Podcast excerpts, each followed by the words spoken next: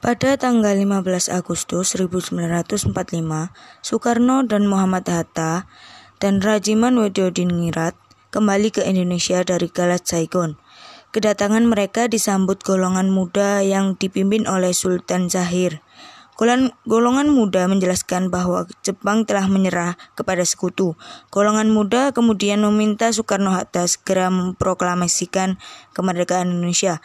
Pada tanggal 15 Agustus 1945, pada malam hari, golongan muda kembali mengadakan rapat lembaga bakteriologi di Jalan Pegangsaan Timur, Jakarta.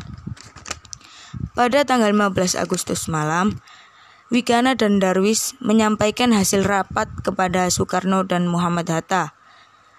Nah, pada tanggal 15 Agustus tengah malam, oleh karena itu, penolakan Soekarno, golongan muda mengadakan rapat di asrama Baperpi di Jalan Cikini nomor 71, Jakarta.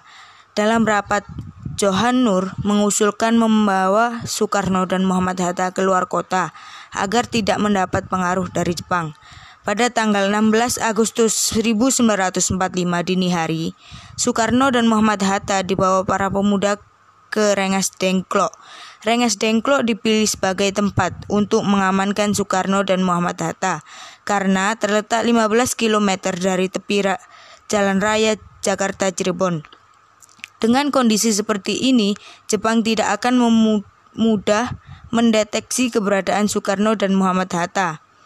Di Rengas Dengklok, Soekarno dan Muhammad Hatta didesak para pemuda untuk segera memproklamasikan kemerdekaan Indonesia. Di Jakarta, Wikana dan Ahmad Subarjo melakukan pertemuan. Ahmad Subarjo mengatakan, proklamasi hanya akan dilaksanakan apabila Soekarno dan Muhammad Hatta kembali ke Jakarta. Golongan muda membawa Ahmad Subarjo ke Rengas Dengklok untuk menjemput Soekarno dan Muhammad Hatta.